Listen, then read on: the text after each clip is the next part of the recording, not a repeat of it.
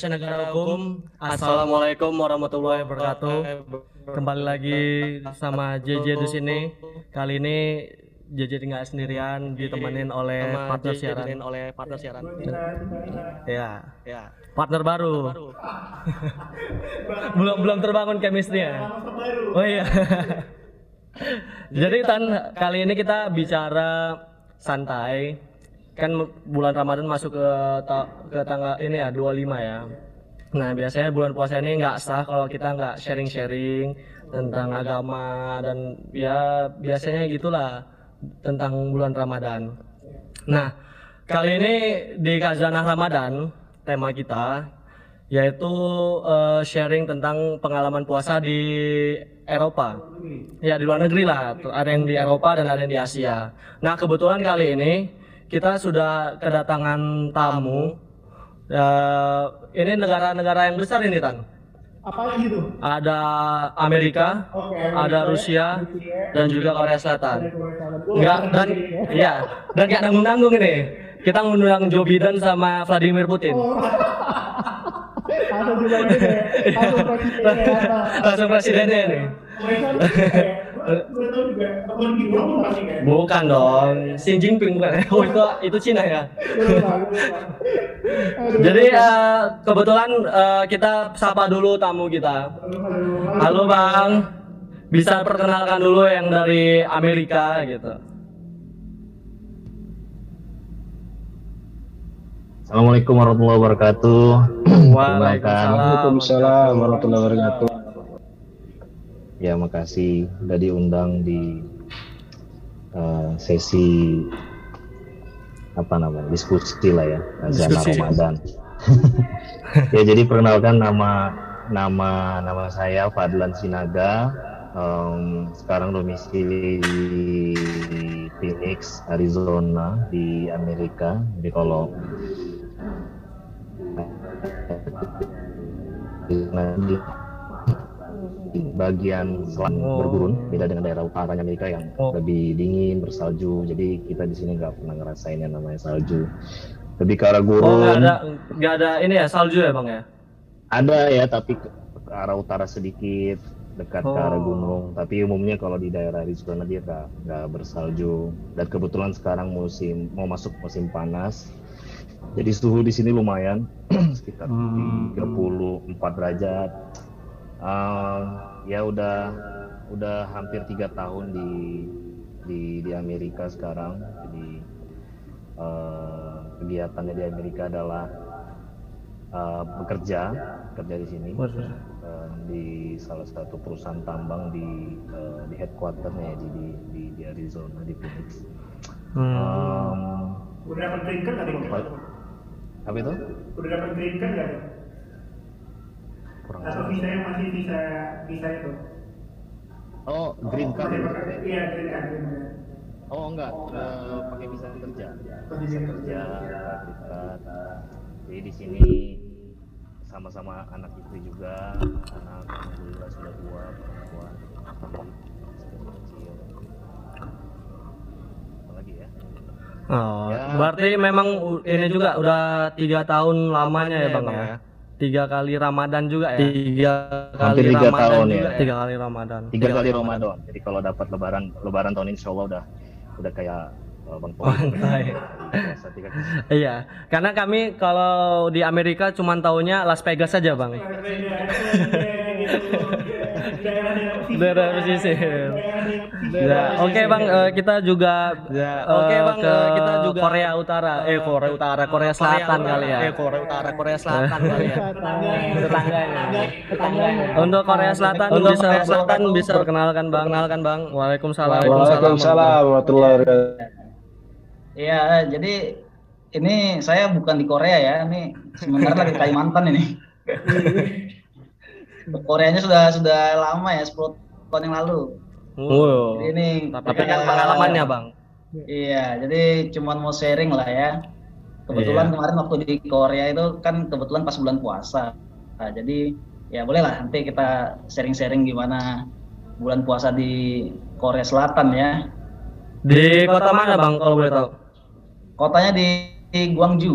Guangzhou Guangzhou. itu 4 jam lah dari Seoul ya, dari ibu kotanya ke arah selatan. Oh, Oke Nah, oke. kalau dari Medan tuh Danau Toba lah, kalau dari Medan tuh. Dra- drama Korea ya. Iya, drama Korea. Oke. Tapi Tan biar kau ta- harus tahu, ini orang dalam sebenarnya. Kalau dalam gimana? Orang-orang keluarga juga. Oke, eh, Bang Yoyo, kita lanjut ke yang ke Rusia. Gimana Bang? Bisa perkenalkan diri dulu? Bisa perkenalkan diri dulu. Ya, assalamualaikum warahmatullahi wabarakatuh. Waalaikumsalam Selamat malam. Selamat malam Bang. Terima kasih ya ucapin bisa diundang di sini gabung sama teman-teman buat sharing tentang pengalaman Ramadan khususnya di tempat saya waktu itu ya di Rusia. Hmm. Eh, saya sebenarnya udah di Jakarta sih kembali sekitar tah eh, November 2019 kemarin. Tinggal eh, nggak terlalu lama cuma enam tahun di sana jadi dua kalinya Bang Toib ya. Eh, di di kota Kazan. Kazan. itu kalau perkira perkiraan jaraknya itu dari Jakarta Surabaya ya sekitar 800 kilo. Kalau naik kereta 11 11 12 jam, kalau naik pesawatnya satu jam setengah. Oh. Oke oke. Dan itu wilayahnya ada di tengah-tengahnya Rusia. Jadi dan masuknya kalau Rusia itu kan luas ya. Jadi ada wilayahnya yang di Eropa dan wilayahnya di Asia. Nah, Kazan itu masuknya di wilayah Rusia yang bagian Eropa. Dalam ke- rangka apa Bang sana? Kerja atau kuliah?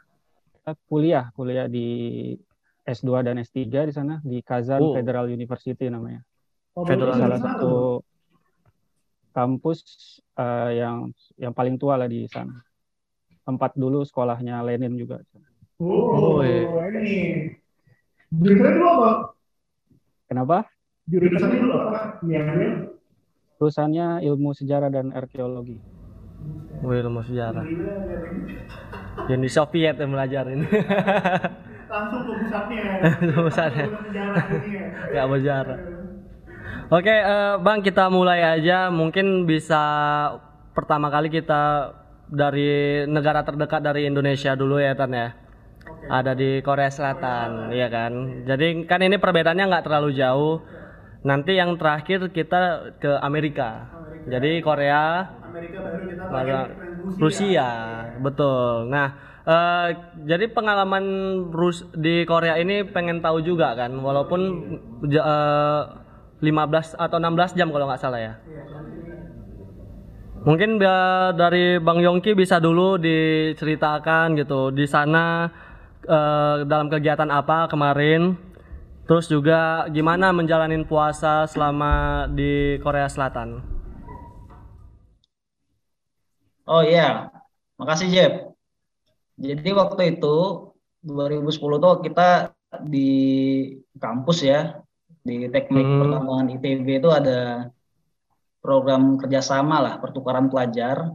Jadi kita kita kirim mahasiswa ke sana ke Korea, nanti dari Korea juga kirim mahasiswa ke ITB ya, gitu.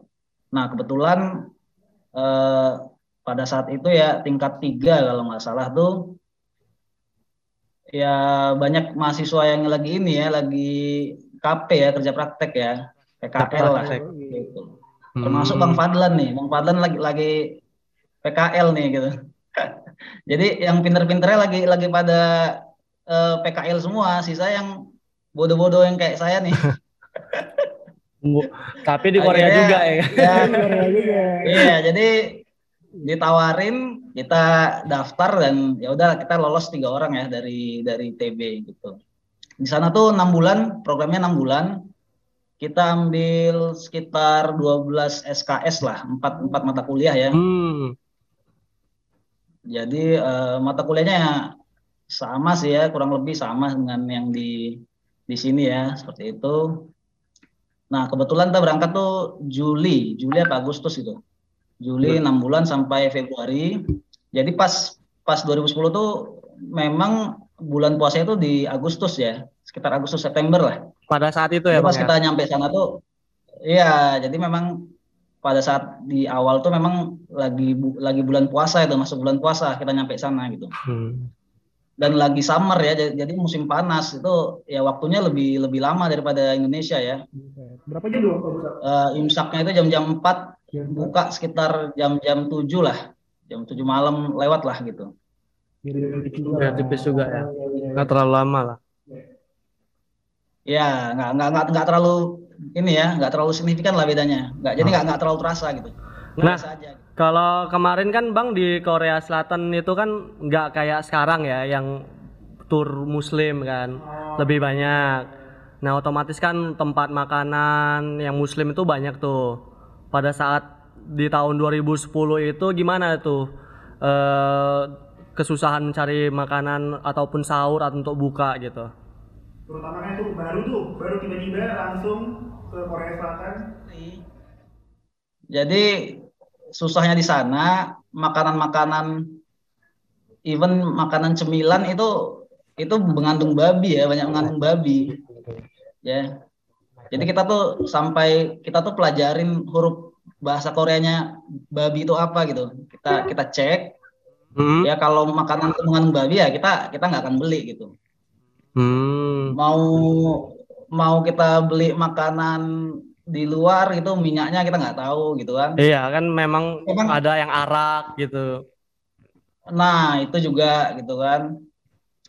Jadi kita memang ke sana itu bawa rice cooker sendiri, Jeb. Hmm.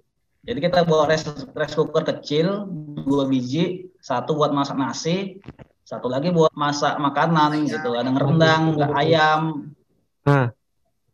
Nah, bumbunya bumbunya beli bumbu Indonesia. Jadi di di Korea itu ada Asia Mart ya. Asian Mart tuh khusus jualan bumbu-bumbu Indonesia gitu. Karena di sana banyak-banyak TKI kan. Oh iya pada saat itu ya. TKI itu sana biasa belanja situ kita beli bumbu di situ beli ayam yang halal juga di situ ya Hmm. kan nggak ayamnya nggak nggak semuanya halal kita beli yang ayam yang halal daging sapi yang halal di di situ nah baru eh, kita masak sendiri gitu Nah, yang menjamin halal itu apa bang? Kalau di sana, kalau biasanya misalnya sekarang kan ini ada MUI-nya nih. Iya. Kalau di Indonesia, kalau di Korea Selatan tuh yang menjamin kehalalan makanan itu apa? Apakah ada sertifikasinya, badannya sendiri atau gimana? iya mereka mereka ada juga kayak Korea Federation Muslimnya gitu ya kayak MUI-nya gitu ya Oh, tapi nggak nggak ini nggak semua makanan ada itunya gitu karena minoritas minoritas, Minoritas, ya. di sana ya Iya. ya ya Berarti sedikit susah juga di sana ya. Kalau untuk ikan-ikan berarti aman ya bang ya. ikan ikan ya aman lah ikan ya cuman Hmm. nggak tahu masaknya pakai apa itu Oh sama iya aja bahan ini. baku yang lainnya ya. Iya, minyak, minyak gorengnya kan Iya. pakai apa itu. Nah kebetulan nih tak eh, bang.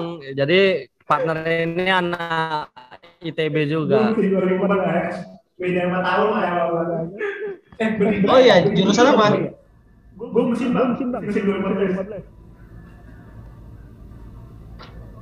apa so- sorry putus-putus Mesin dua bang, ribu. kalau- mesin bang, mesin, mesin, mesin 2014. oh mesin wah ngeri nih bang Rek Ada ini ya ITB Pride ya. Besok besok nyari alma mater sendiri lah di sini.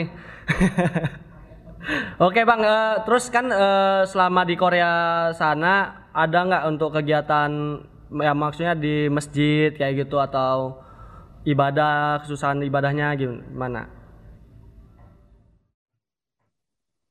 jadi di sana itu Hmm. Jeb masjidnya cuma satu satu kota itu cuma satu Oh masjidnya. kayak Muslim Center gitu ya? Iya, jadi kayak ibarat di kota Medan masjidnya cuma satu lah di Masjid Raya itu. Oh. Itu kalau mau ke masjid itu harus harus 30 menit dulu naik bis. Wah jauhnya. Jadi kita nggak ada ceritanya sholat lima waktu di masjid. Cuman Jumatan doang masjid. Jumatan ya. Iya, Jumatan doang masjid. Kalau hari-hari biasa sholat ya di di asrama aja, asrama mahasiswa gitu.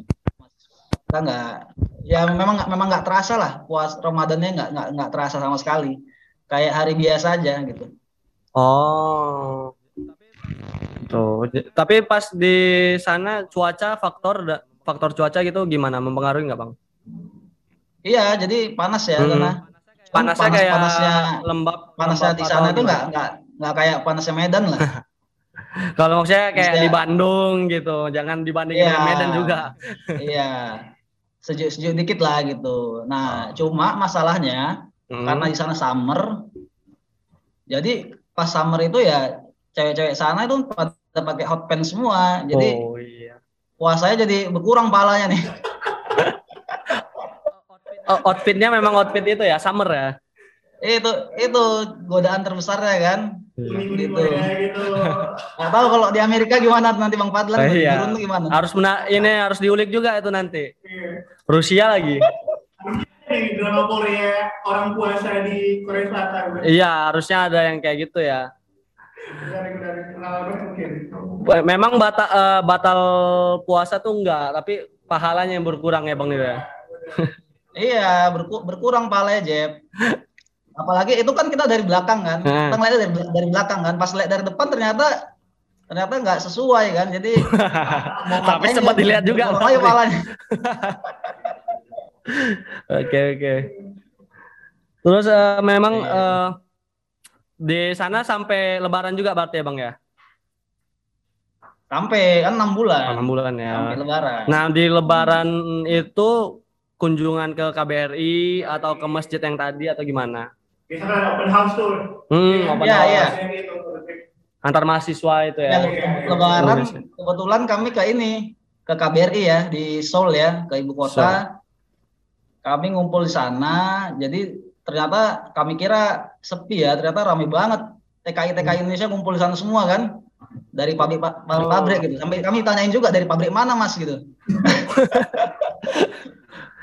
Tampangnya tampang-tampang kuli juga katanya. Jamet ya, jamet ya, Jawa metal.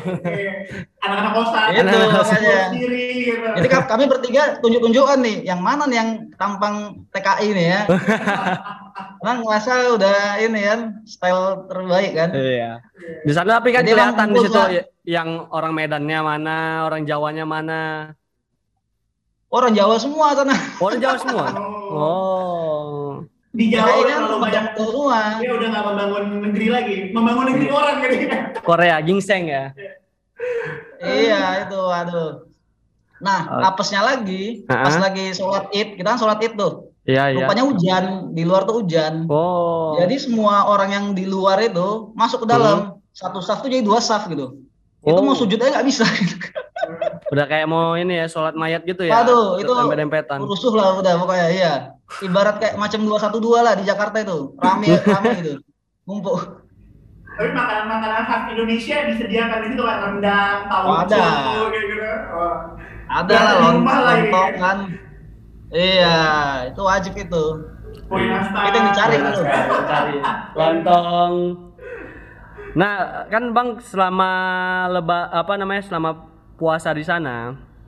Nah, godaan terbesarnya tadi kan selain apa namanya wanita yang pakai baju summer gitu kan. Ada nggak ada lagi nggak kendala selain cuaca gitu. Jadi biar kita pun jika ke sana nanti pas selama bulan puasa di Korea gimana cara mengantisipasinya? Iya. Apa yang perlu dipersiapkan gitu. Ya si- siapin iman-iman yang tebal lah pokoknya. iman yang tebal aja lah. Kalau paling godaan utama ya. Paling utama memang. godaan lain yang nggak ada, nggak ada ya. Cuman ya memang eh, suasananya aja nggak nggak dapet di sana.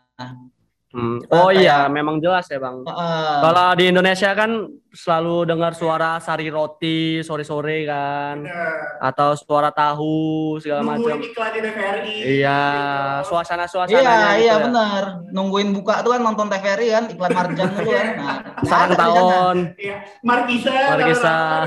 Nah, nggak ada di sana.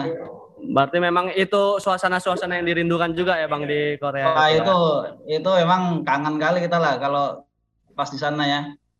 Tapi kalau orang Cuman Korea karena, gitu karena kan, cuma sekali nggak apa-apa lah. iya pengalaman. Gimana gimana? Benar. Kalau misalnya orang Korea gitu ada sedikit diskriminasi nggak sih sama komunitas Muslim atau misalnya orang-orang Indonesia Hmm. di sana gitu? Ada nggak Oh, kayak ras- rasisme gitu? Iya, karena kan kita tahu Korea itu termasuk yang di Asia terbesar juga untuk rasismenya. Iya. setelah abis Indonesia. Beberapa beberapa video yang gua Iya. tonton di YouTube ada investigasi mengenai itu. Iya, memang ini. Nah, gimana tuh Bang Oh. untuk di Korea sendiri? Nah, nggak tahu, nggak tahu kalau sekarang ya. Kalau kalau dulu sih eh, bagus-bagus aja ya. Toleransinya maksudnya nggak ada nggak ada gesekan atau apa apa aja gitu ya. Saling menghormati lah dan eh, sebagian besar di sana justru eh, nggak beragama ya di Korea Oh. Selatan tuh. Banyak kan banyak kan ateis gitu. Ateis. Oh yang agama tuh cuma di KTP doang ya. Aktualnya nggak Hmm. nggak dilaksanakan gitu ya. Sebagai budaya Jadi aja mereka- lah gitu ya. Ah, nggak nggak terlalu peduli kita mau agama apa gitu. Agama apa mereka nggak nggak inilah nggak masalah gitu. Saya pakai istilah Indonesia tuh. Iya. Kayak di film itu ya. Nah, kan Bang eh, Abang di sana kuliah berarti ya? Apa pertukaran pelajar ya? Nah, apakah di sana teman-teman Abang pada saat itu mengerti gitu kondisi Abang puasa atau pada saat eh, kuliah apa namanya Jumatan ya? Jumatan ada jadwal kuliah juga atau memang dikasih toleransi untuk yang Islam yang Muslim untuk sholat dulu atau gimana? Eh kalau teman yang nggak ada ya nggak nggak ada yang tahu ya. Bahkan Hmm. teman-teman sekamar saya kan tuh orang Korea ya. Kita kan sekamar Iya. di asrama tuh sekamar berdua. Jadi dia tuh nggak ngerti puasa gitu. Sholat puasa dia dia nggak tahu gitu. Berarti maksudnya dalam hal abang jalanin puasa itu dianggap aneh atau apa mereka menghargai juga itu nggak untuk makan di depan Bang Yoyo gitu atau gimana? Oh enggak, mereka tetap makan. Tetap makan juga ya? nggak peduli Iya. mereka maksudnya nggak nggak Iya. tahu kan karena kita kalau kita puasa atau gimana itu ibadah atau gimana mereka Oh. ngeliatin kita sholat aja heran gitu, gitu kan Oh iya. jadi per- uh, uh, pernah waktu saya saya puasa tuh kan dia nawari makanan gitu kan di on this gitu kan saya bilang no no I'm fasting I'm fasting what is fasting katanya saya bilang "Uh, you you you cannot you not you are not allowed to eat or drink from sunrise to sunset saya bilang gitu Hmm. Oh ya ya, biasa orang Korea gitu. Oh, oh ya. Terus ditawari lagi, do you want? Ya, aduh, susah jelasinnya ini bahasa Inggris saya yang salah apa mereka yang nggak ngerti gitu. Berarti komunikasi juga yang kesulitan ya. Iya itu. Bahkan kita nggak Pokoknya- tahu ya, kosakata puasa di mereka ada atau enggak? Itu Iya. Bener juga ya. Tapi kalau misalnya Iya, itu. tuh ada libur nasionalnya nggak bang? Mereka ada libur nasional lebaran gitu nggak? Kayak kita kan di sini kayak ada Natal ada liburnya. Kemudian kalau misalnya Waisak Ada, ada, ada. liburnya. Iya. Kalau Ada. di sana mereka ada Ah. libur. Oh, ada juga ada tabarnya ya. Oke. Mereka namanya tapi apa ya? lah Saya, saya lupa. Dia dia. macam-macam Imlek Ah. gitulah. Satu hari Tapi ya berarti Imlek. ya, Jadi kayak hitungannya. hari hari kayak mereka panen raya gitu ya. Mereka tuh libur Hmm. dua hari kah? Apa tiga hari gitu. Hmm. Nah itu ada juga hari raya mereka. Kalau yang untuk Muslim sendiri untuk Lebaran gitu sehari berarti ya? Diakui ada. sebagai libur nasional enggak? Nggak ada. Nggak ada ya, Bang. Iya. Oke, Minoritas oke. sekali. Tapi kalau kalau abang sebagai orang luar nih kan dari Indonesia tinggal di Korea Selatan, itu ngelihat komunitas Muslim di sana tuh gimana bang? Maksudnya apakah saling menjaga, saling deket mereka satu sama lain gitu atau gimana? Em, eh, eh, komunitas Muslim em, biasa sih ya, biasa aja ya. Sana banyak kan kalau kita jumatan tuh banyak orang orang dari Arab ya, Mm-mm. Bangladesh, Pakistan, eh Ba- Bangladesh nggak bukan Arab ya, Mesir, Mesir, terus Oh, dari Pakistan, Arab ini jenggot jenggot jenggotnya lebih panjang daripada ini lagi ya, Wah, Kalah ini. jenggotan ya. jenggot ini. Nah, mereka ya baiklah sopan-sopan orangnya ya. Brother kalau ketemu halo, brother, assalamualaikum brother gitu ya. Itu cuman kita nggak ada komunitas khusus ngumpul eh, sama muslim sana enggak. Cuman kita karena kita ada komunitas orang-orang Indonesia ya. Orang Indonesia yang kuliah di Guangzhou. Nah, kita biasanya ngumpul sama mereka. Rata-rata pada Hmm. muslim jadi puasa juga, kadang buka puasa bersama juga gitu. Oke, oke. PPI ya PPI. ya? Nathan, setelah ini kan sudah banyak juga nih di pengalaman di Korea, ya kan? Kita masuk ke negara yang lebih lama lagi. Jadi pengen ke Korea Selatan ya? Korea Selatan perlu juga lah. Kita yang yang dekat ya yang dekat Nunggu COVID, nunggu, nunggu covid selesai. Kalau selesai. Kalau selesai. ada selesai selesai ini pasti selesai. Oke bang eh, untuk bang Yongki kita ke, eh, na- ke negara berikutnya untuk lebih menyeberang lebih jauh lagi nih di mana kita Amerika. Amerika Eh, Arizona. Arizona Yang gua tahu ya, kalau misalnya daerah selatan tuh di Hmm. Amerika itu pendukung garis kerasnya Republikan, Republikan. Donald Trump deh. Donald. Ini agak menarik makanya nih. Iya, iya. Orang Muslim di daerahnya Donald Trump. Itu gimana itu? Oh iya, benar-benar. deh. Ini kan abang ini masih juga di sana ya, berarti. Iya.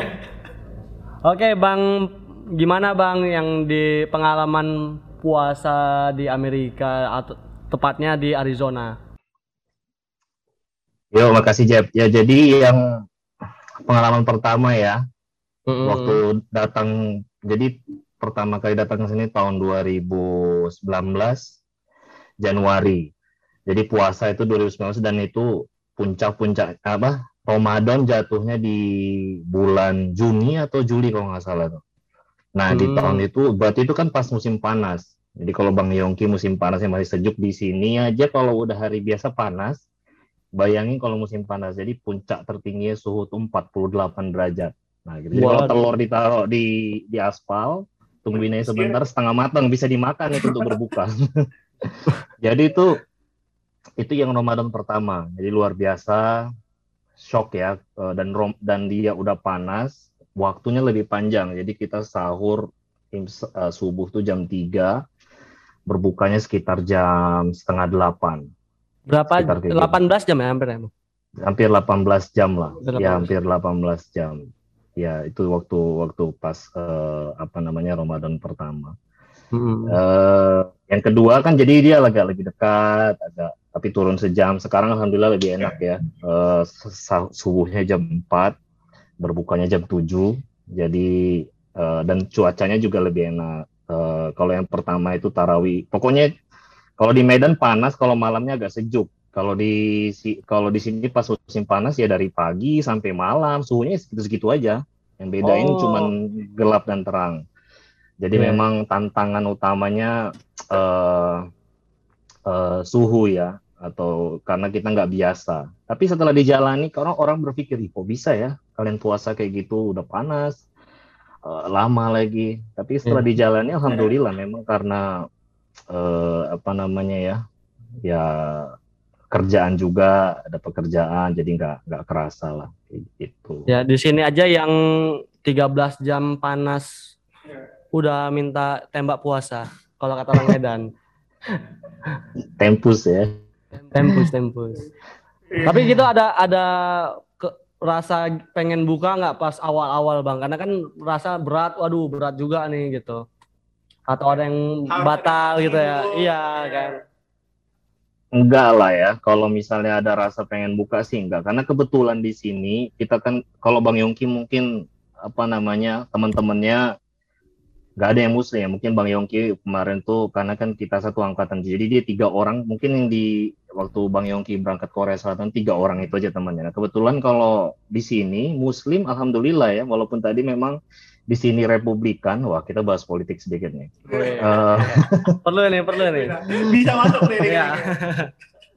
Iya, walaupun di sini Republikan, tapi alhamdulillah Arizona itu adalah state yang paling ramah, paling Oh. ramah Oh. dengan dengan eh, jadi mereka walaupun apa ya nggak peduli lah dengan hal-hal kayak gitu. Nah, alhamdulillah di sini komunitas Muslim banyak dan Oh. di di tempat saya bekerja juga eh, banyak teman-teman Indonesia juga, alhamdulillah karena eh, dan ada juga yang Muslim ya dari Mesir, dari eh, dan kita kadang eh, apa namanya sholat sholat jamaah. Jadi kita punya ada ruang elektrik eh, kosong.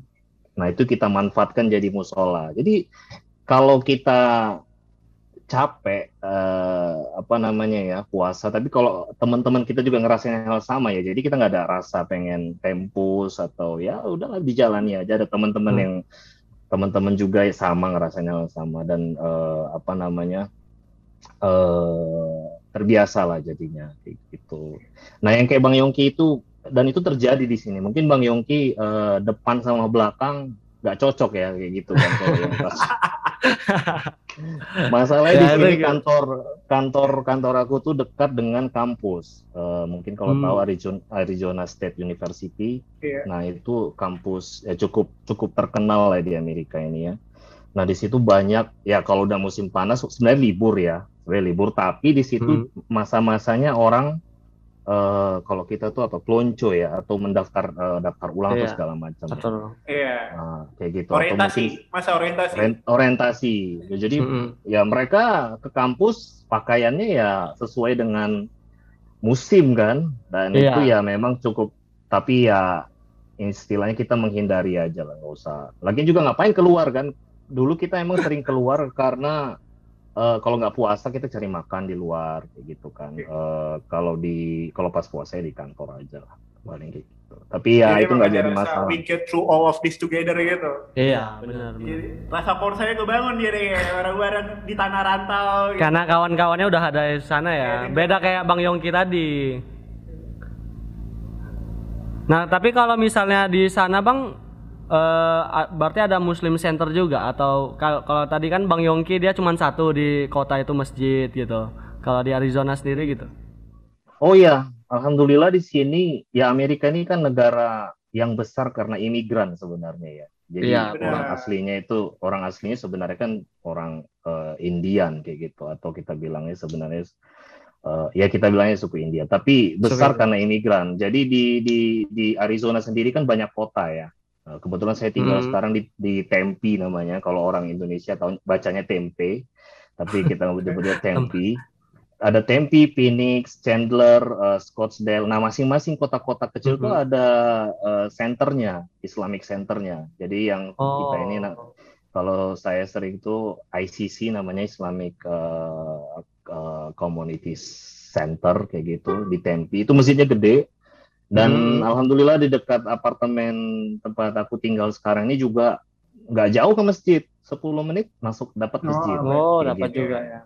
ya 10 menit ke kiri. Kebetulan anak juga eh, apa namanya udah kita pre- preschool ya masuk sekolah dan sekolahnya juga sekolah Islam alhamdulillah dan di sekolah Alham- Islam itu juga ada masjidnya eh, jadi bisa eh, apa namanya ya tarawih bersama-sama juga rame komunitas muslim di sini rame jadi itu nggak jadi nggak jadi masalah besar sebenarnya di sini karena masjid di mana-mana 10 menit eh, walaupun nggak akan serame di Medan lah ya Kayaknya lebih Oke. relatif lebih mudah ya daripada Lebih mu- Selatan. sedikit lebih mudah ya. Iya. Untuk nyari bukaan gitu ya Bang ya, sahur. Tapi Kalau- penasaran ya, kalau kan- misal Hmm? kalau misalnya tuh Islamic Centernya itu atas inisiatif komunitas sendiri kayak udunan gitu bikin bangunannya sewa atau bangunannya atau emang disediain oleh state government ya?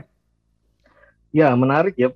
Soalnya masjid di sini malah dibangun dekat dengan kampus. Jadi Hmm. memang si Oke. eh, memang mereka udah niat untuk CR sebenarnya karena rata-rata yang sebenarnya yang untuk yang penasaran dan banyak yang convert atau banyak yang pengen discuss itu sebenarnya kan anak-anak muda ya. Jadi mereka bikin Oh. masjid itu dekat dengan kampus, bahkan di lingkungan kampus kayak gitu. Baik itu di University of Arizona di Tucson, saya pernah ke sana itu dekat dengan kampus. Jadi itu bukan sewa dan itu emang mereka bangun sendiri. Tanahnya mereka beli ya udunan mungkin ya udunan Hmm, dari dan itu nggak disupport sama negara-negara lain jadi mereka memang betul-betul eh, apa Independen sendiri ya? Ya sampai sekarang pun nggak disupport sama government jadi murni dari orang-orang eh, komunitas muslim di sini yang ngasih apa namanya ngasih infak sedekah nah itu yang untuk membangun masjid jadi masjid itu besar karena komunitas kayak gitu jadi kalau komunitas ini pergi ya bisa jadi masjid-masjid sini tutup kayak gitu. nah itu tantangan besar sebenarnya ada karena ada yang masjid yang sampai sekarang masih ngutang karena dia lahannya eh, nyewa atau lahannya dulu dibeli dicicil misalnya. Cicil. Gitu. Ada, ada kayak gitu. Tapi untuk populasi muslimin di sana sendiri tempat Abang tinggal itu lebih banyak negara mana? Atau dari ya warga setempat atau memang dari imigrannya sendiri gitu? Kebanyakan imigran ya, rata-rata dari negara Arab, dari Syria, dari eh, ya negara-negara Arab dari Saudi. Mungkin rata-rata karena kan di sini ya mungkin eh, contohnya kalau kita kuliah di sini Nah, kuliah itu kita bisa eligible untuk kerja di sini. Nah, habis itu nanti minta dia disinggung green card atau segala macam kita dapat visa, habis itu mereka apply green card. Jadi mereka permanen di sini. Sebenarnya mereka tujuannya kuliah untuk jadi permanen. Nah, banyak yang dari negara-negara Islam itu uh, datang ke sini sekolah, habis itu kerja uh, permanen permanen di permanen di sini gitu. Jadi uh, dari negara-negara Arab, dari Indonesia cukup banyak ya. Bahkan kita punya pengajian kelapa namanya, keluarga Arizona. Sorry, uh, pengajian apanya apa ya? keluarga pengajian oh ya keluarga pengajian Arizona kelapa namanya dan itu cukup oh. banyak komunitas muslim di sini jadi jadi kita, dulu ya sebelum COVID ini kita tiap bulan selalu ada kajian dan kebetulan ustadznya eh, mahasiswa yang lagi ngambil S3 di sini. Jadi nggak mm -hmm. kerasa kehilangan lah. dulu pertama kali aduh nih kalau ke Amerika ini uh, bakalan apa namanya rusak lah kayak gitu. Rupanya enggak sih, alhamdulillah bagus bagus. Kalau kata orang gua jangan ke Amerika, entar murtad. karena terlalu liberal gak, gitu gak kuat dia gak terlalu tapi dari kuat. cerita Bang Fadlan ini kita tahu bahwa di Amerika tuh cukup menghargai kebebasan beragama ya, gitu bener. jadi kalau misalnya lo ada niat aja komunitas udunan bisa ngebangun sendiri loh ya, sendiri. diperbolehkan bener, bener. gitu kan nggak nah, dipersulit juga tapi kan uh, yang perlu di, di menarik ini bang di framing media-media kita lihat iya. kan juga nah Ya tadi yang sudah disinggung juga oleh Titan gitu di negara-negara ya pendukungnya Donald Trump, Donald negara Trump ya kan. Nah, yang merah, jadi, merah. Ya, framingnya itu kan adalah Muslim uh, apa namanya Islamofobik, Islamo, iya, Islamofobik iya. gitu. Nah itu gimana itu di sana aslinya bang? Apakah seperti framing di media atau memang iya. di sana ya enggak biasa aja gitu?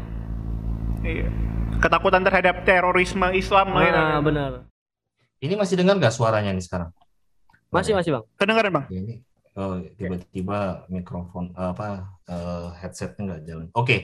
jadi ya kadang media itu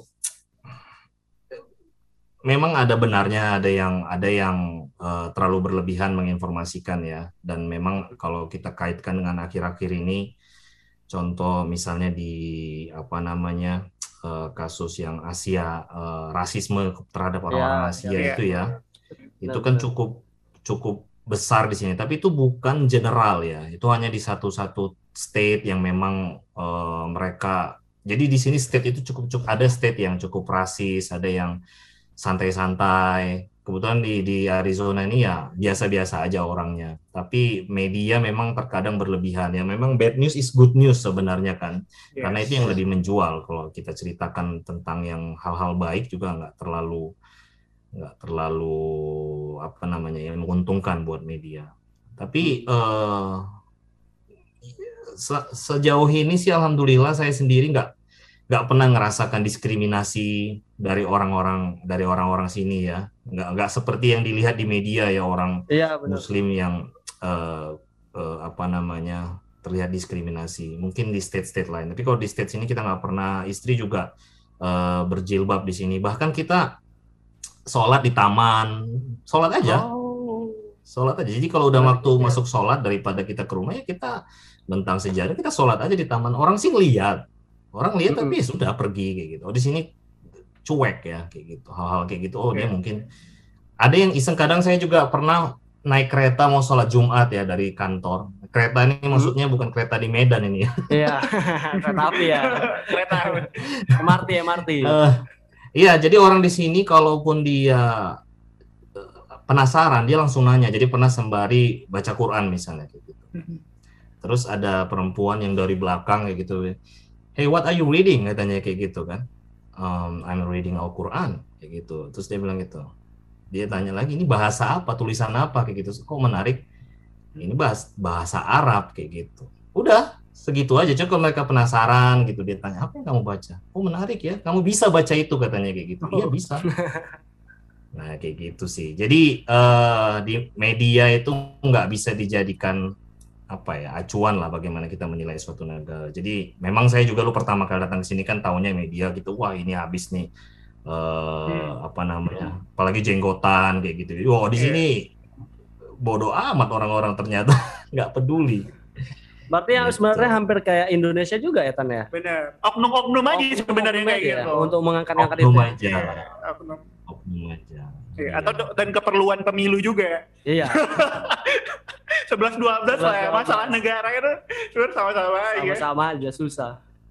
Iya. Aduh. Nah, Bang, terus selanjutnya ini kan setelah tadi kita sudah tahu akhirnya ya ternyata nggak terlalu besar seperti yang Iya. digembur-gemburkan oleh media. Mary. Nah, pada akhirnya sedikit ada kebebasan ya untuk muslim di sana gitu ya, untuk Bahkan tadi yang kebebasan beragama. gue denger bisa sholat di taman. Di taman gitu. ya gitu. Iya. Toleransinya yang Bener. Yang gue lihat di TV-TV sih, kalau misalnya ah, preacher ya istilahnya, Hmm. dia bisa eh, memberikan ceramah itu di jalan gitu, Iya, benar. dibebaskan kayak gitu. suka ada yang kayak gitu ya. Iya, suka ada yang kayak gitu. Ya, itu namanya di sini kalau di sini diatur di Second Amendment ya. Kebebasan berbicara, kebebasan berekspresi kayak gitu. Jadi mau beribadah, mau apa pun, selama nggak mengganggu orang di sini ya biasa-biasa aja. Ada mungkin satu orang yang Tes, tes. Kedengeran. Oke, kedengeran.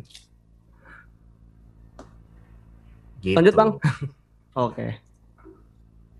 Ya, Nah, eh di sana tuh berarti ada KBRI-nya di mana itu, Bang? Kalau di Amerika? Di KBRI Arizona, ada. ini KBRI di Arizona kebetulan nggak ada. Jadi KBRI Hmm. itu mungkin dia ada di East Coast, West Coast, eh, mungkin sama Hmm. satu di Florida kalau nggak salah. Jadi di East Coast itu di di timur itu ada di New York, Hmm. eh, terus di mana lagi ya? New Jersey mungkin ada kali ya. Terus nanti terus yang di bagian West Coast itu ada di Los Angeles eh, sama San Francisco. Tapi di Arizona nggak ada, nggak ada KBRI. Cuman jarak Hmm. antara California, state California ke ke Arizona itu sekitar 4 jam lah. Itu ibarat kayak dari kita dari Medan mau ke Prapat mungkin ya. 4 jam lah Oh kita. iya, 4 jam ya. ya. Ya, kira-kira segitulah jauhnya. Eh, cuman di sini kan jalan pakai highway jadi cepat. Eh, Udah tiga, tiga jam juga, Bang, ke Prapat, Bang. Soalnya udah ada jalan tol. Oh, jadi lebih cepat Ya. ya. Oke. Kan Ya, mana, mana tahu Abang belum tahu yang terbaru di Kota Medan ini. Iya udah tiga tahun nggak pulang kan, jadinya. iya.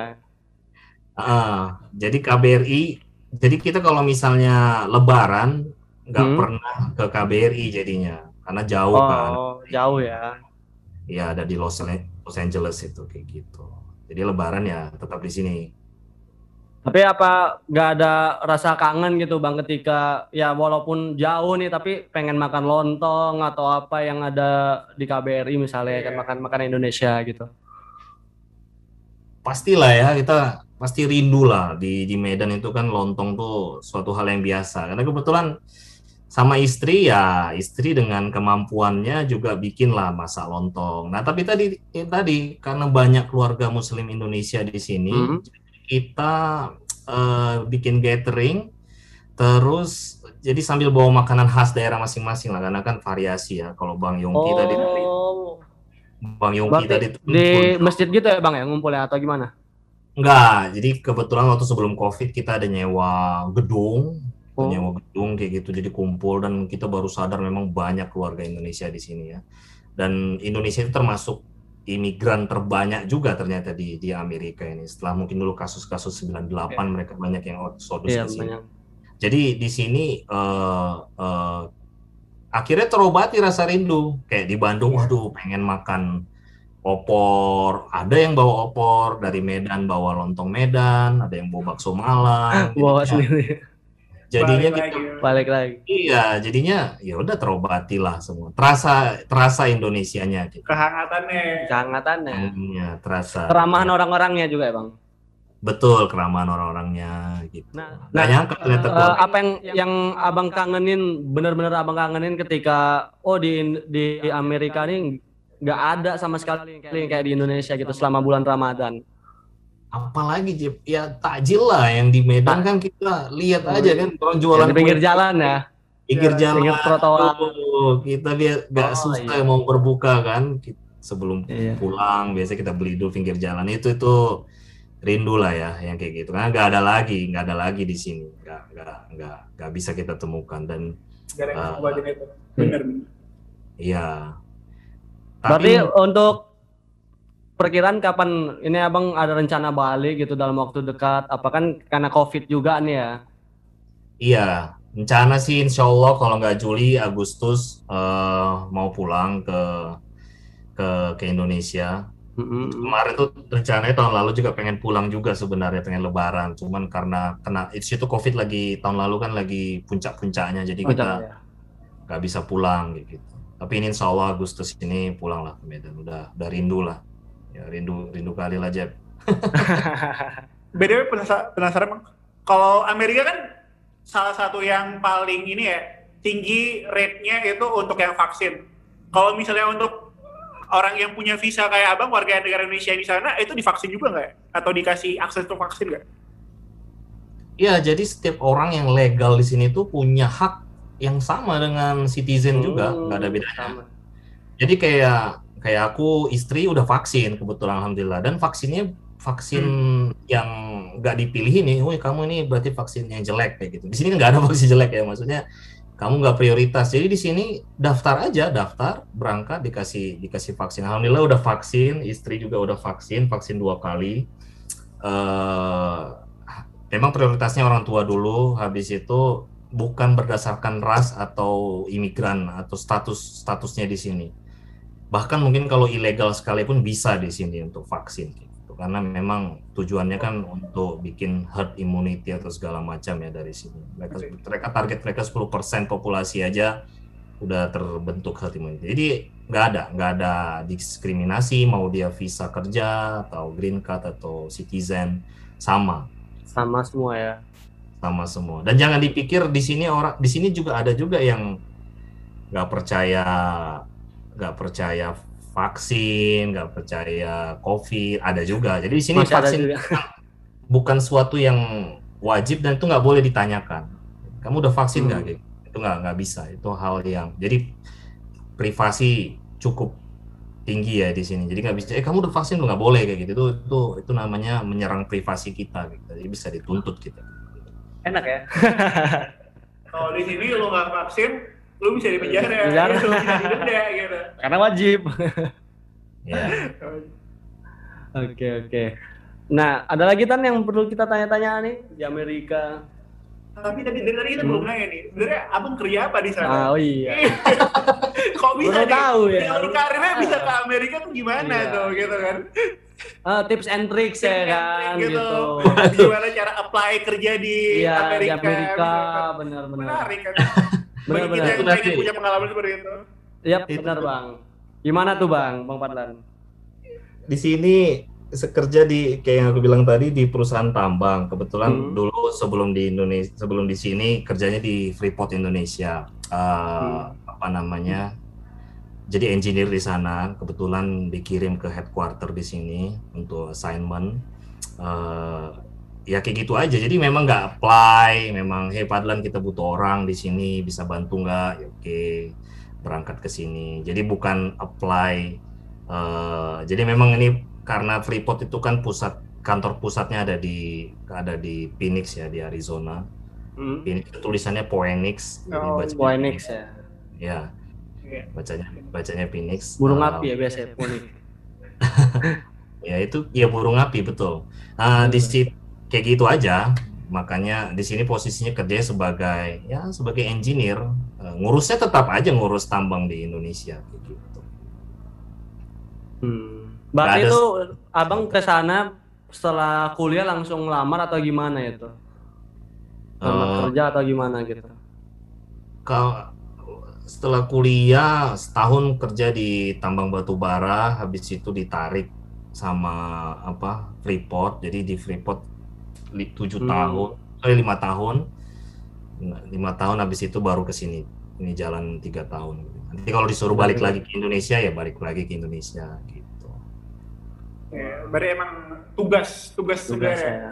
Dan Bang Fadlan ini berarti salah satu orang yang memberikan devisa negara nih. Iya. Dapat dolar dari Amerika, kasih ke Indonesia, Indonesia. dibelanjakan Indonesia gitu. Iya. Enggak juga sebenarnya enggak karena iya. enggak pulang-pulang kan. Jadi Oh, iya. Belanjanya di sini juga. Jadi Iya. apa namanya ya untuk kembali lagi untuk negara negara ini lagi kayak gitu ya ah, paling ya kayak gitulah Transfer ke orang tua, Bang. Eh, transfer orang tua ya wajib lah kalau kayak gitu. Ya wajib. Oke, oke. Iya. Jadi kalau mungkin salah satu yang mungkin belum kita bahas tuh makanan halal ya di sini. Iya, benar, Oh, makanan makanan Tapi halal kan di sini. karena memang ini ya bang ya, karena banyak warga muslim tadi gitu ya. Ya. Iya. Jadi makanan halal sini cukup banyak. Jadi kalau Bang Yongki tadi mungkin kendalanya ya sedikit komunitas. Kalau di sini makanan halal banyak dan kita punya grocery yang cukup menjual makanan apa daging halal eh, dan semua serba. Jadi di sini mudah ya, mudah. Jadi kalau tem- kalau misalnya Jeb sama Titan mau ke sini gitu, mau kerja Hmm. atau kuliah, ya gak usah takut, aman sekali di sini untuk Nah ini perlu perlu ditanya nih bang. Ketika ini butuh tips and tricks nih. Pertama ketika kami ke sana nih nanti, pasti di hari pertama bingung nih mau ngapain. Iya. Nah pasti itu ada ada ini ya sedikit Cultural like kultur shock, shock uh, kultur shock ya kan. bener.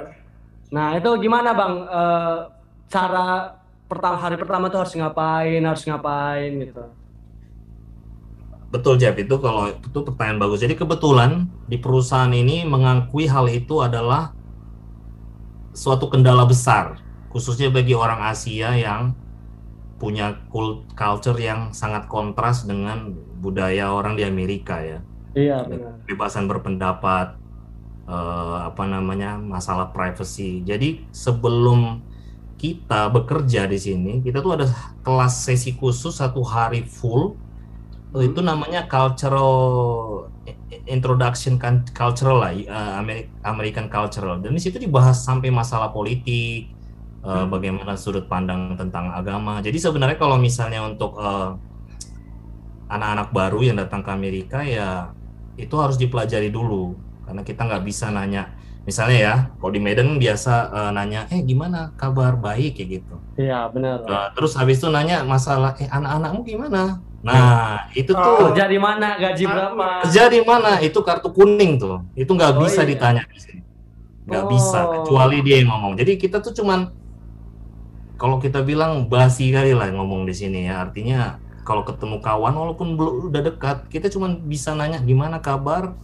Weekend kemarin ngapain? Udah gitu aja. Nggak bisa kita nanya anakmu gimana? Anakmu sekolah di mana? Gitu. Oh, umurmu berapa? basi. itu tuh gak basa-basi namanya itu nama Iya. hanya hanya privasi jadi itu eh, satu hal penting dan kita mungkin biasa kan dan itu terjadi juga ke, Iya.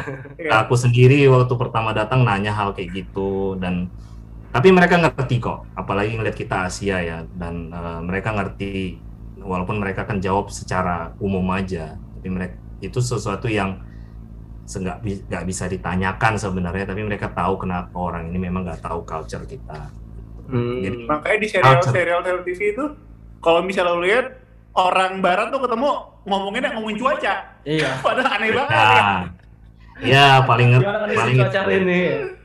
ya how's the weather today are you Iya. going to do any fun plan for weekend kayak gitu ya bahasa Tapi berarti basi kita ber- beruntung J. Nah. Kalau lebaran gak ditanya kapan nikah. oh iya itu Iya ya. Paling Itu- penting itu. kartu merah kalau itu itu itu enggak karena di sini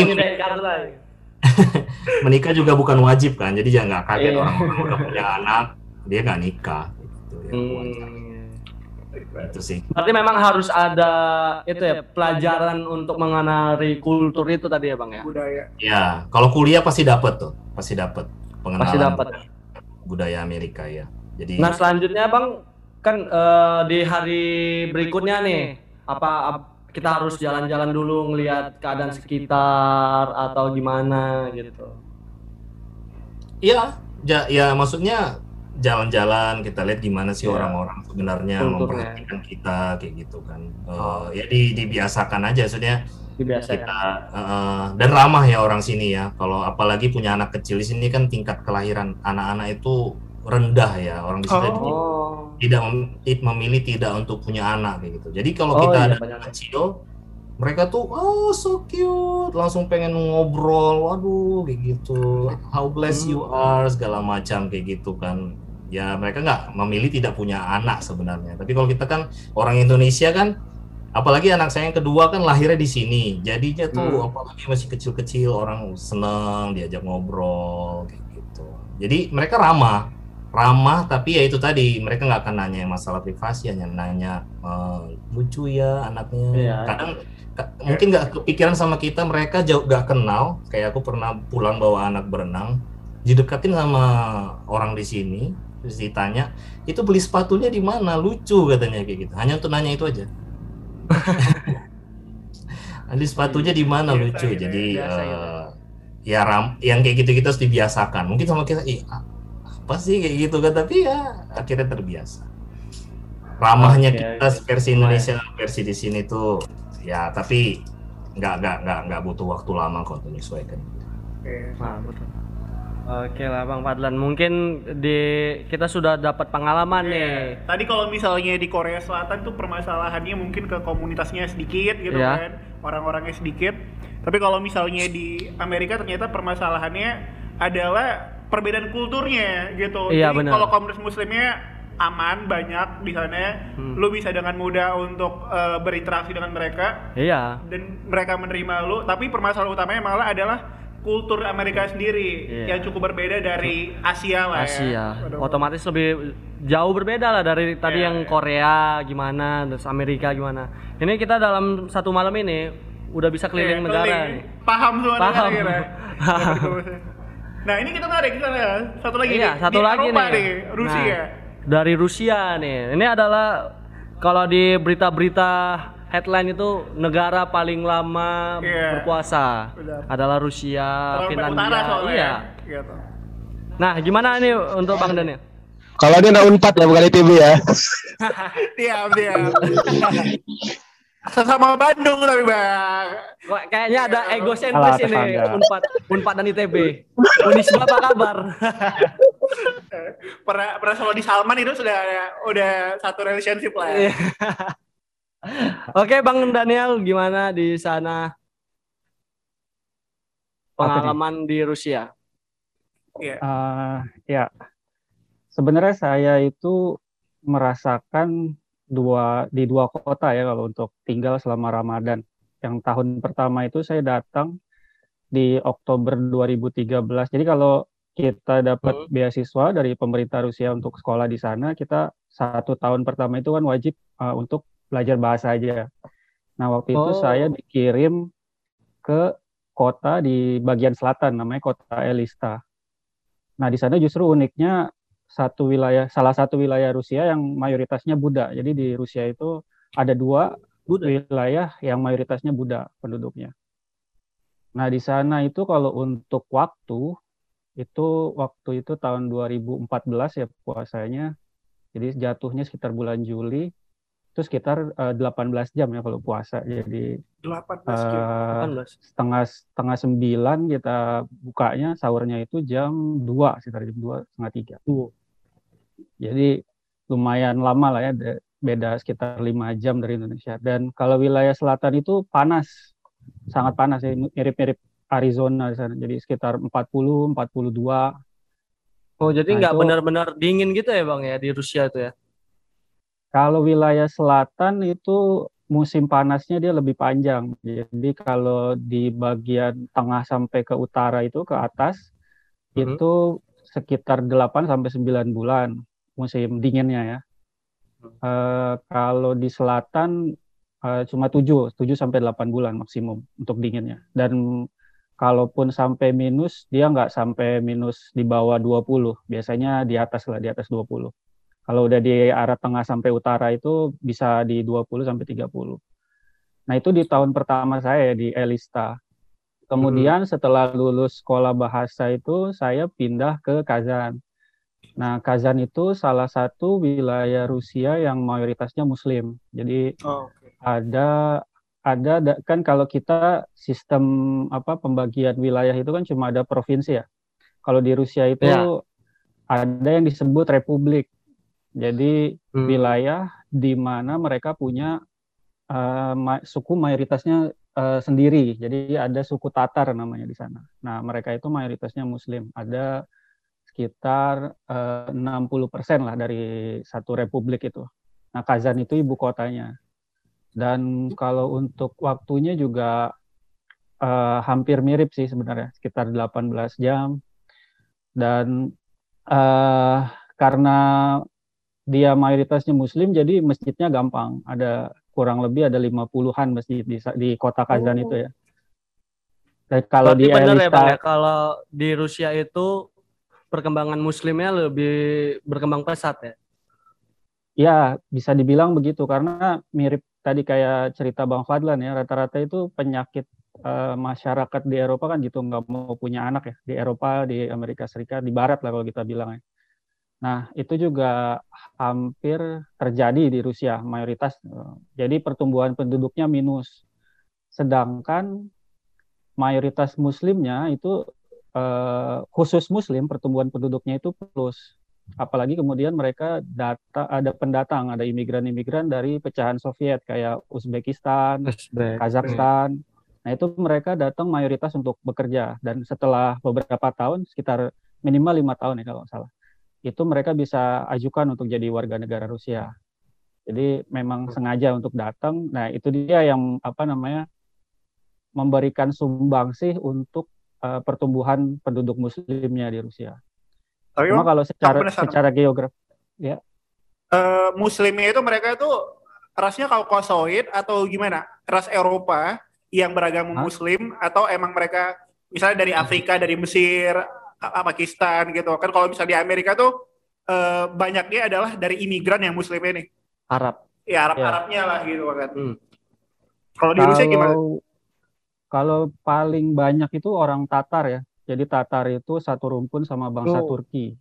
Oh. Jadi, uh, jadi mereka memang salah satu kalau secara historis dari dulu itu di Kazan itu wilayah Kazan pernah jadi wilayah kerajaan Islam di situ dulu. Namanya Bulgar atau Bolgar. Jadi uh, dua tempat, ada dua tempat masuknya Islam di selatan itu daerahnya Habib ya di Dagestan itu yang hmm. pertama kali di abad ke-8. Nah, setelah itu sekitar abad 9 masuk ke wilayah uh, Kazan atau Tatarstan waktu itu. Dan penduduknya kalau secara persentase Limnya mereka tuh berbeda ada 15 persen. atau mirip-mirip nggak ya? Kenapa kenapa? Tradisi muslimnya kayak misalnya pakaian muslimnya atau misalnya uh, uh, bentuk masjidnya itu berbeda sama kita atau gimana? Atau misalnya apa ya istilahnya? Uh, kaligrafi kaligrafinya iya, gitu. ukiran ukiran ukiran ukirannya kan soalnya mereka uh, perpaduan tuh Eropa uh, tapi Muslim gitu istilahnya kalau secara arsitektur bangunan mereka lebih ke Turki ya kalau di wilayah Rusia jadi hmm. mungkin pengaruh-pengaruh dari Ottoman masuk lewat situ. Uh, Bentuknya kubah-kubahnya ya bang ya? Ya kubahnya kubah-kubah Turki. Hmm. Terus kalau pakaian ya standar ya uh, baju kayak gamis gitu cuma nggak nggak putih jadi dia menyesuaikan warna-warna lokal. Jadi kayak semacam ada batiknya sendiri lah. Ada apa namanya? Ada desain-desainnya sendiri mereka. Dan uniknya sebenarnya kalau buka puasa apa puasa uh, atau Ramadan di Kazan itu uh, Kazan itu kan salah satu uh, wilayah di Rusia yang orang asingnya banyak ya karena termasuk kota besar. Jadi uh, setiap hari itu mereka mayoritas masjidnya mengadakan buka puasa. Nah, itu oh. jadi uh, hampir eh, mayoritas isinya sama mahasiswa bahkan Eh, teman-teman yang dari Afrika yang non Muslim sekalipun datang karena berlimpah ruah makanan di situ. Orang sana tuh oh. baik sekali untuk ini. Jadi memang sengaja datang sekalipun cuma ikut makan doang itu. Karena kan gak ditanya kan, kamu Muslim apa enggak. Ikut makan itu bentuk aja, toleransi juga pulang. berarti ya bang ya. Salah satu ya, kurang lebih gitu. privacy tadi yang dijaga ya, nggak ditanya ini Muslim apa enggak gitu ya ya kita juga meskipun tahu itu teman kita uh, orang Afrika yang Kristen gitu kan kita ya diem aja biarin aja dia makan gitu kan benar benar benar bang kalau misalnya di sana uh, tradisi apa yang nggak mungkin ditemuin di negara lain tradisi muslim apa yang nggak mungkin ditemuin di negara lain tuh yang unik sendiri lah. Kalau misalnya ceritanya ya kalau misalnya ke Mekah itu kalau misalnya buka puasa bareng tuh di satu tempat yang gede gitu bareng-bareng. Ya. gitu. Itu nggak mungkin temuin di mana-mana. Nah kalau misalnya di Kaizen sendiri gimana tuh? Ada nggak tradisi di bulan Ramadannya yang unik yang nggak bakal ditemuin di mana-mana? Eh, kalau di Rusia ya, Rusia secara khususnya itu eh secara umum itu masjid itu biasanya mereka punya aula yang kadang difungsikan sebagai kantin. Nah, Hmm. difungsikan ketika Ramadan untuk buka puasa. Nah, kalau untuk apa namanya, biasanya juga itu kan nggak muat, makanya di depan masjid itu kadang mereka bikin tenda besar, kayak tenda tenda tenda TNI gitu, tenda tenda tentara, ya khusus Iya. selama bulan Ramadan. Di siapa pun boleh datang untuk buka puasa di situ. Kayak Ramadan Fest gitu ya, Bang ya. Satu bulan full gitu ya. Ya, Nah, dan untuk untuk apa namanya? makanan khasnya itu di sana apa, Bang? Untuk buka. Kalau di Indonesia kan beragam ya. Kalau nggak kena gorengan, nggak enak kayaknya. Gitu. kalau Medan tuh bubur pedas bubur pedas. Nah, kalau di sana itu apa, Bang, ciri khasnya? Jadi kalau untuk kan eh, mereka eh, biasanya itu sebelum apa namanya sebelum sholat tuh di nggak boleh tuh masuk kantin tuh orang-orang. Jadi mereka harus ada di ruangan utama masjid dulu. Nah itu cuma eh, takjilnya lah ya, ada air putih sama kurma. Nah baru setelah sholat maghrib itu karena biasanya ini kayak apa semacam budaya sih di Eropa ada makanan pembuka, ada makanan utama sama penutup ya. oh, Nah iya. itu Oh, ada juga. biasanya sup-sup ya, sup sup Oh. sup mie gitu. Ada juga sup daging, ada. Hmm. Terus kalau utamanya itu biasanya eh, nasi sih, nasi dibuat kayak tapi kalau kalau bentuknya sih mirip nasi goreng, cuma dia lebih berminyak ya. Namanya plov atau nasi Plov. pilaf kalau mungkin ya. Oh. Ya. Itu makanan-makanan khas Asia Tengah. Kalau ini di sana kan hampir rata-rata didominasi Qatar atau Turki gitu ya, Bang ya. Apakah di sana terkenal juga dengan karinya gitu? Nasi biryani, sih. rempah-rempah rempah-rempah. Enggak, justru karena nggak suka pedas ya, jadi eh, rasanya hambar. Kita juga kalau kalau lidah kita ya hambar. Karena Hambar kan mereka tuh ma- makan tuh nggak masak itu nggak pakai garam kalau orang Rusia itu. Jadi biasanya garam itu dipisah. Jadi silakan tambahin garam sendiri. Oh gitu. Kalau buat kita yang nggak tahu ya hambar aja makanan itu. Iya iya iya. Ini agak menarik nih ya berarti Eh,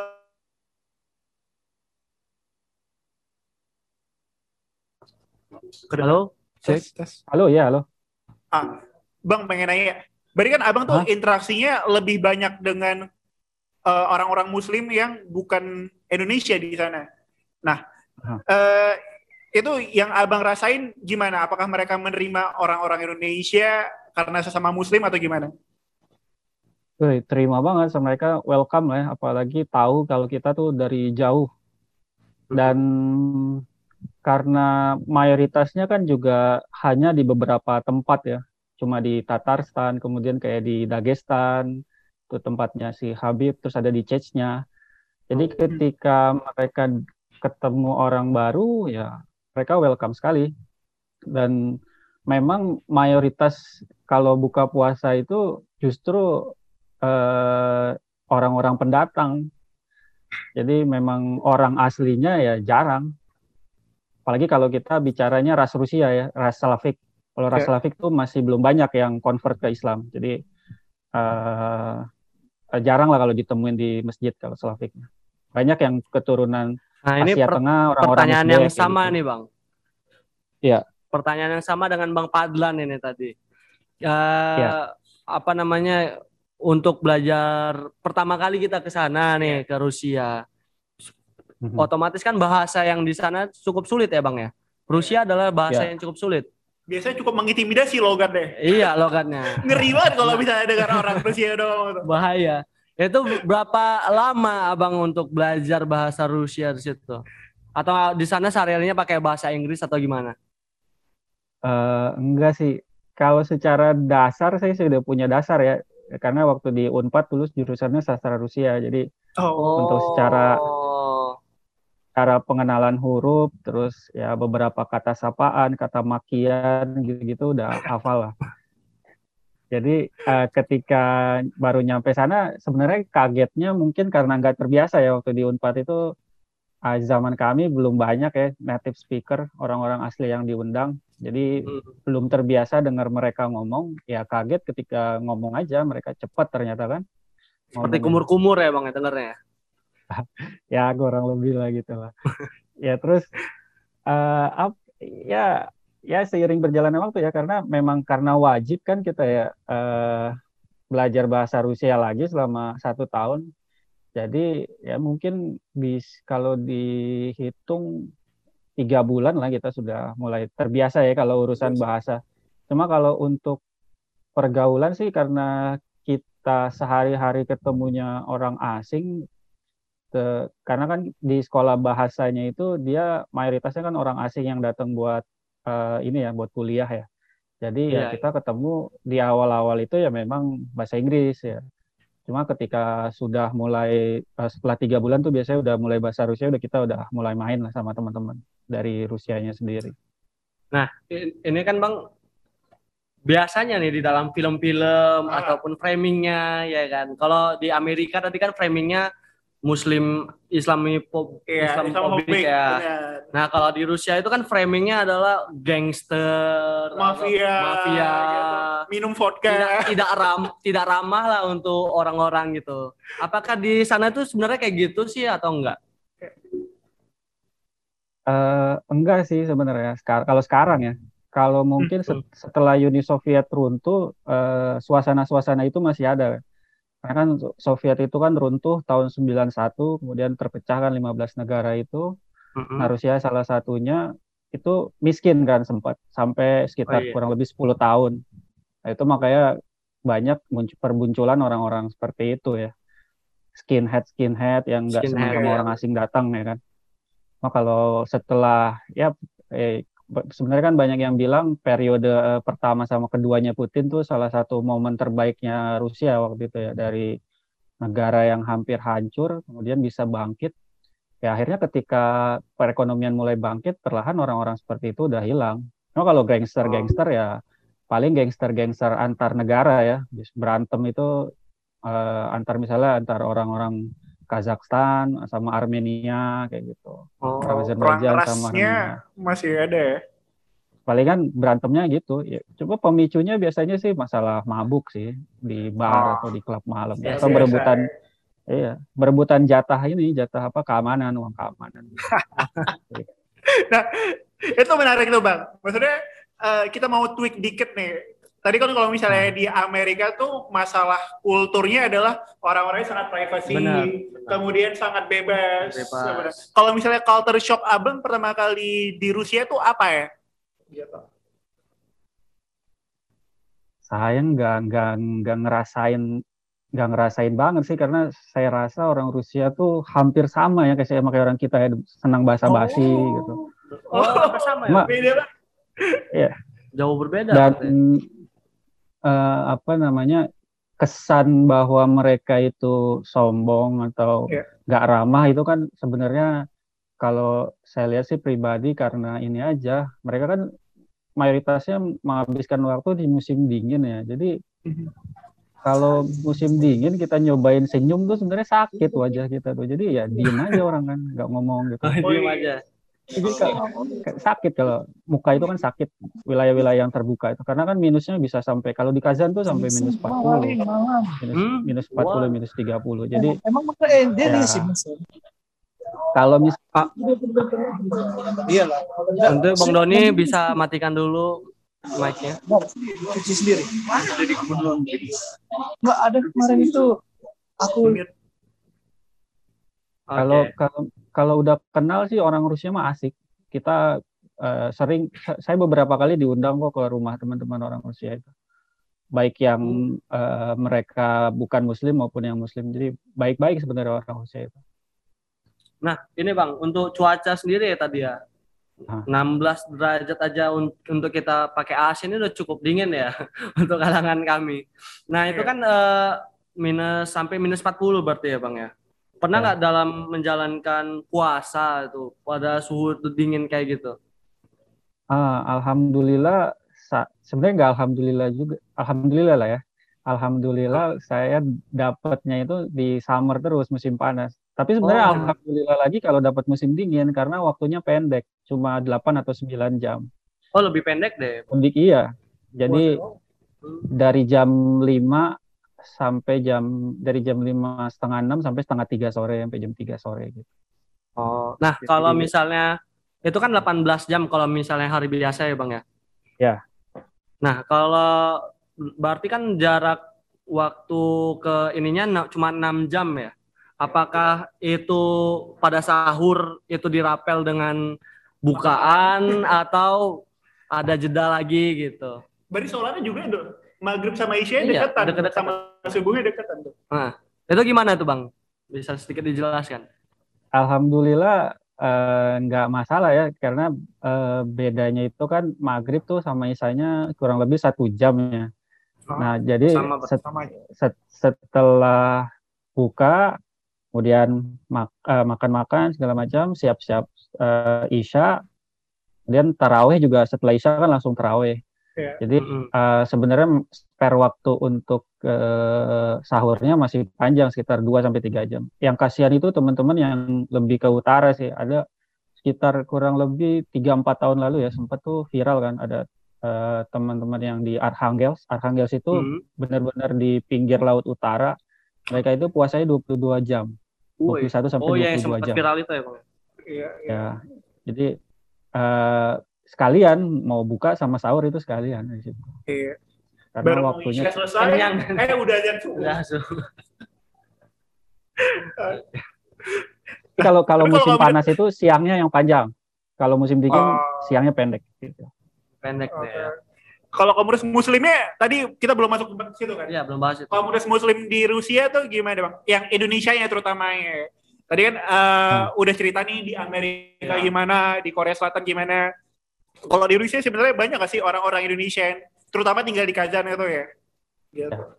Eh, kalau untuk komunitas muslim tahun-tahun pertama saya datang sih masih sedikit ya. Tahun pertama saya datang itu masih sekitar 10 orang ya. Cuma sekarang terakhir itu saya kembali sebelum kembali ke Indonesia udah lebih dari 50. Jadi eh, lumayan bertambah banyak ya karena eh, kebijakan pemerintah Rusia juga sih. Dulu itu kan cuma ada kuotanya 50 orang yang beasiswa. Jadi eh, sedikit. Dan itu tersebar nggak cuma di Kazan kan. Lebih banyak kan mayoritas di ibu kota di Moskow. Nah sekarang pemerintah Rusianya tambahin kuotanya. Jadi orang-orang banyak karena mungkin berita-berita tentang Kazan bahwa mereka di sana Muslim udah sampai ke Indonesia mungkin orang melihat wah saya pilih kuliah di sini aja gitu untuk orang-orang yang Indonesia yang Muslimnya Nah, itu ada support dari pemerintahannya atau gimana, Bang, untuk komunitas muslimnya sendiri? Pem- komunitas Muslim Indonesia atau gimana Rusia Eh, secara general ya, secara general di Rusia. Kalau kalau di Rusia itu eh, ada eh, semacam MUI ya disebutnya Muftiat, jadi Oh, Dewan juga Mufti berarti. juga. Ada yang eh, ada di Moskow, ada pusatnya di Moskow, dan ada juga yang di wilayah-wilayah di setiap eh, apa namanya di setiap provinsi atau republik. Nah itu mereka dana dana sendiri, nggak ada support dari pemerintah. Nah, Terus kalau untuk komunitas Muslim masing-masing negara ya sama aja. Mereka ki- kita kita dari Indonesia juga support-support sendiri, uang-uang sendiri kalau bikin acara. Udunan ya, berarti ya. Iya, cuma kalau sekarang sih lebih enak ya karena sudah mulai banyak udah ada 50-an jadi biasa itu kalau ada acara ya kita sewa satu apartemen terus ya udah kita bikin misalnya lebaran bareng di situ, kemudian buka puasa bareng kayak gitu. Enggak di KBRI ya, Bang ya? Jauh KBRI-nya. Jadi Oh, eh, KBRI itu berada di mana, Bang, kalau di Rusia? KBRI kan cuma ada di Moskow ya. Eh, Oh, cuma di sisa sisanya itu ada di Saint Petersburg, Konjen sama konsul kehormatan di Vladivostok. Vladivostok itu di timur, di dekat Jepang. Oh. Jadi kalau di wilayah-wilayah lain nggak ada perwakilannya. Jadi ya kita Oh, struggling aku- sendiri aja. Aku cukup tahu nih kota-kota itu kayak St. Petersburg, Kazan. dengar Pernah dengar dari klub bola. Untung itu gunanya main PS itu. Eh. Oke oke bang. Berarti eh, komunitas Muslim di sana juga cukup solid ya bang ya. Ya alhamdulillah sejauh ini eh, semakin bertumbuh dan Hmm. ditambah lagi eh, kami itu kalau di Kazan ya merasa nyaman karena kan kalau untuk Muslim banyak masjidnya jadi enak dan masjidnya itu tempat-tempatnya strategis juga. Jadi kalaupun apa namanya di asrama, asrama itu kan agak sedikit di pinggir kota itu ada masjidnya. Ketika berangkat kuliah di tengah kota juga ada masjidnya. Jadi kalau untuk sholat, untuk ibadah-ibadah itu hampir gak ada masalah ya kecuali teman-teman yang misalnya berbenturan sama jam kuliah. Oh, oke. Oke. Ini kita bawa lebih jauh lagi nih, Bang. Iya, iya. Ya kan? Eh Ya. apa yang mau tanya? Ini bang, tadi kita udah di Korea Selatan sama Amerika, itu kan ngelihat uh, perlakuan mungkin diskriminasi nih Iya. oleh oknum-oknum gitu. Nah kalau di Rusia sendiri ada nggak perlakuan diskriminasi terhadap orang-orang Muslim ya? Yang yang mungkin abang nggak pernah merasakan sendiri, tapi kan mungkin ada pengalaman besar ya, mendengar pengalaman gitu teman kawan. Soalnya kita agak sulit nih menerima berita Iya. mengenai Rusia, agak tertutup negaranya soalnya.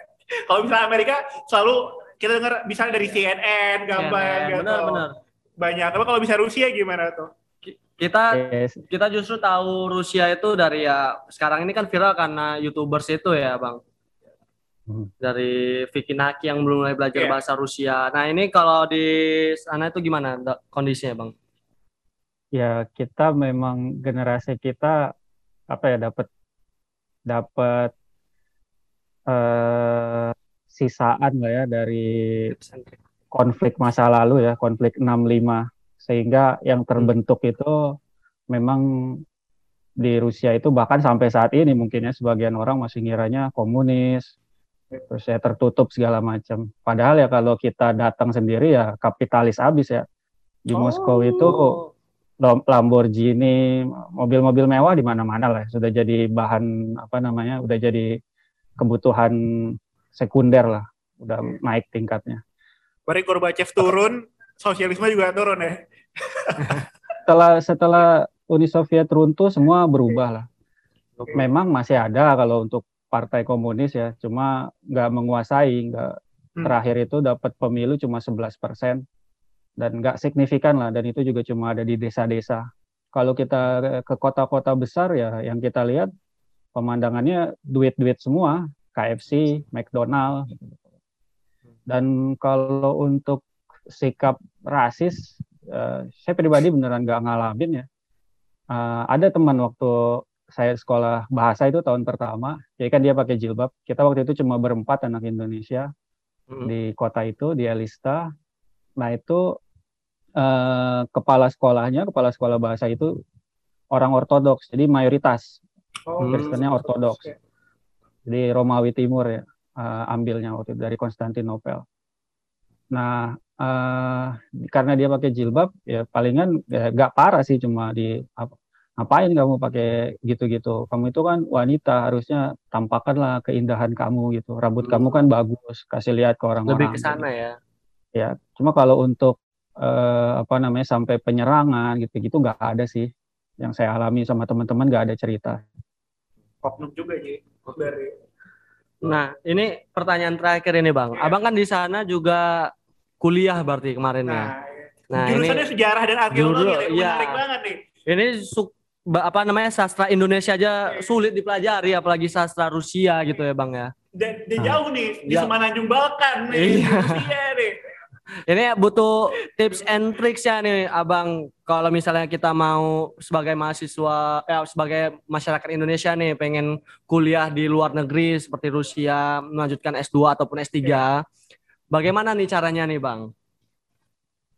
Ya, kalau kalau jalur utama itu ada di pusat kebudayaan Rusia yaitu eh, di bawahnya kedutaan besar Rusia itu di kalau di Jakarta ya cuma satu Hmm. jalan di Ponorogo itu itu satu-satunya jalur kalau untuk eh, kerjasama antara pemerintah Indonesia sama pemerintah Rusia itu kurang lebih ada mungkin sekarang udah 100 kali kuotanya yang setiap tahun yang berangkat anak-anak Kerjasamanya dalam bentuk apa itu bang? Kira-kira bang? eh jadi pemerintah Rusia itu kan eh apa nih kalau mereka eh berhadapan dengan Barat, dengan Amerika Serikat, terus dengan negara di Eropa Barat itu kan untuk propaganda kalah ya. Mereka punya CNN yang setiap hari ditonton, ada BBC segala macam, ABC. Nah Rusia kan eh, karena ke- ke- eh, terkendala bahasa ya, jadi nggak bisa sampai informasi-informasi. Jadi salah satu yang mereka inisiatifkan untuk melakukan propaganda itu ya memberikan beasiswa. Jadi ya bisa dibilang anak-anak itu ya sebenarnya agen-agennya Rusia sih yang dapat dapat beasiswa. Karena kan ketika mereka pulang itu mereka kan cerita gimana sih Rusia ya? Sebenarnya kayak saya ini kan kita ditanya Iya. Rusia itu kayak gimana?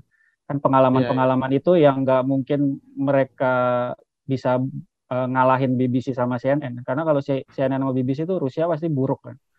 Oh, kalau iya. dari cerita-cerita dari saya dari teman-teman yang lain kan nggak nggak seperti itu. Hmm. Jadi ada pengalaman jauh yang berbeda berbeda ya dengan framingnya ya bang ya. ya jauh lah itu politik Nah Politik itu untuk sampai beasiswa sekarang. untuk beasiswanya tuh bang, itu kan berarti lanjutan dari S1 ya bang.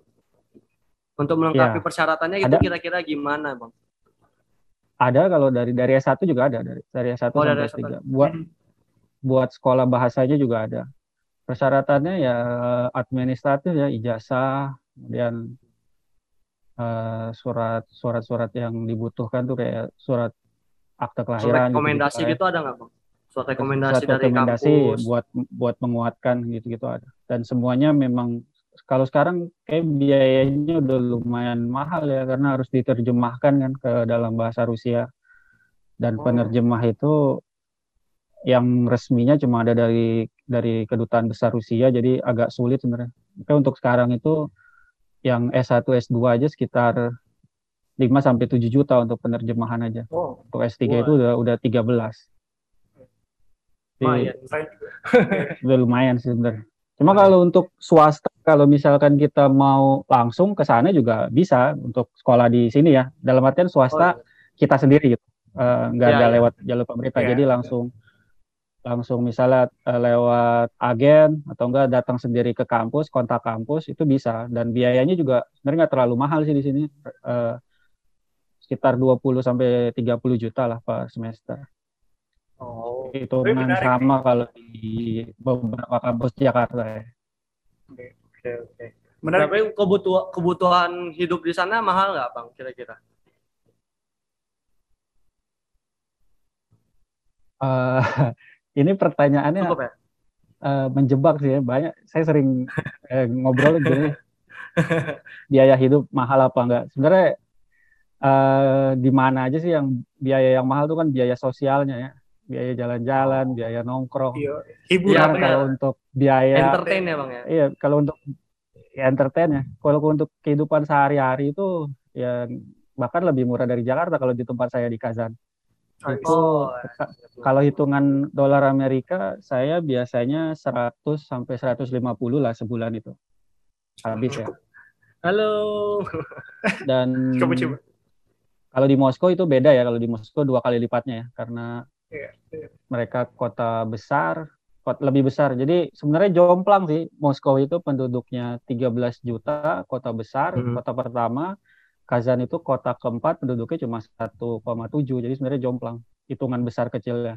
Cuma karena di Kazan itu eh terma- Republik itu kan dia bisa kerjasama langsung nggak harus lewat pusat ya. Jadi untuk ekonomi mereka bisa langsung ke negara-negara tertentu, pema- kayak pemasok-pemasoknya ya, untuk ekonomi. Oh, Jadi eh, negara-negara eh, apa namanya negara bagian atau provinsi-provinsi yang disebut republik itu mereka bisa langsung dapat pasokan makanan sehingga nggak harus lewat pusat.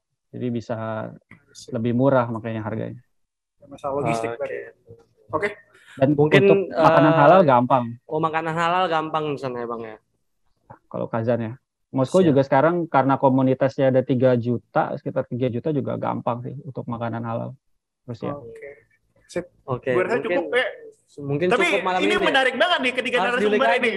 Terutama nih kita nanti mungkin bisa explore lebih jauh, tapi mungkin Iya. next time. Iya, ini Kayak kan karena temanya masih puasa ya. dan kuliahnya menarik Bener, nih sejarah dan arkeolog nih. Benar, benar, benar. Ini kan karena memang Terbatas waktu. terbatas waktu dan juga temanya hanya Ramadan kemarin ya, Bang. Berarti next time kita bisa ngundang abang-abang ini lagi untuk berbicara nih lebih lanjut, lebih explore. explore ya. Jurusannya menarik. Tapi memang jadwalnya sedikit dikondisikan dengan Bang Padlan nih. Oke, siap. Oke Bang, eh, terima kasih telah you, bergabung dengan kami dan eh, apa memberikan sharing-sharing pada kami tentang pengalaman Ramadan di negara masing-masing gitu. Insightful banget sih. Iya. Ini mungkin cukup bermanfaat bagi kami ya kan Bang. Mana tahu esok hari nanti kita bisa ke sana. Iya. LPDP baru buka kemarin. Oh iya. Segera Oke. daftar. Ini jadi penyemangat nih. Penyemangat. Oke. Oke. Siap Bang, terima kasih. Thank you, Bang. Thank you Iya. semuanya. Nah, eh, JJ dan Titan di Inkuf pamit Oke. undur pamit. diri Sampai dan jumpa. saksikan di Channel YouTube. channel YouTube Inkuf Iya. dan Spotify Inkuf. Nah, eh, kami juga tidak hanya berhenti di sini, akan ada banyak perbincangan-perbincangan berikutnya. Yang lebih insightful lagi, Pak. Iya, banyak. Eh, saksikan aja di dulu.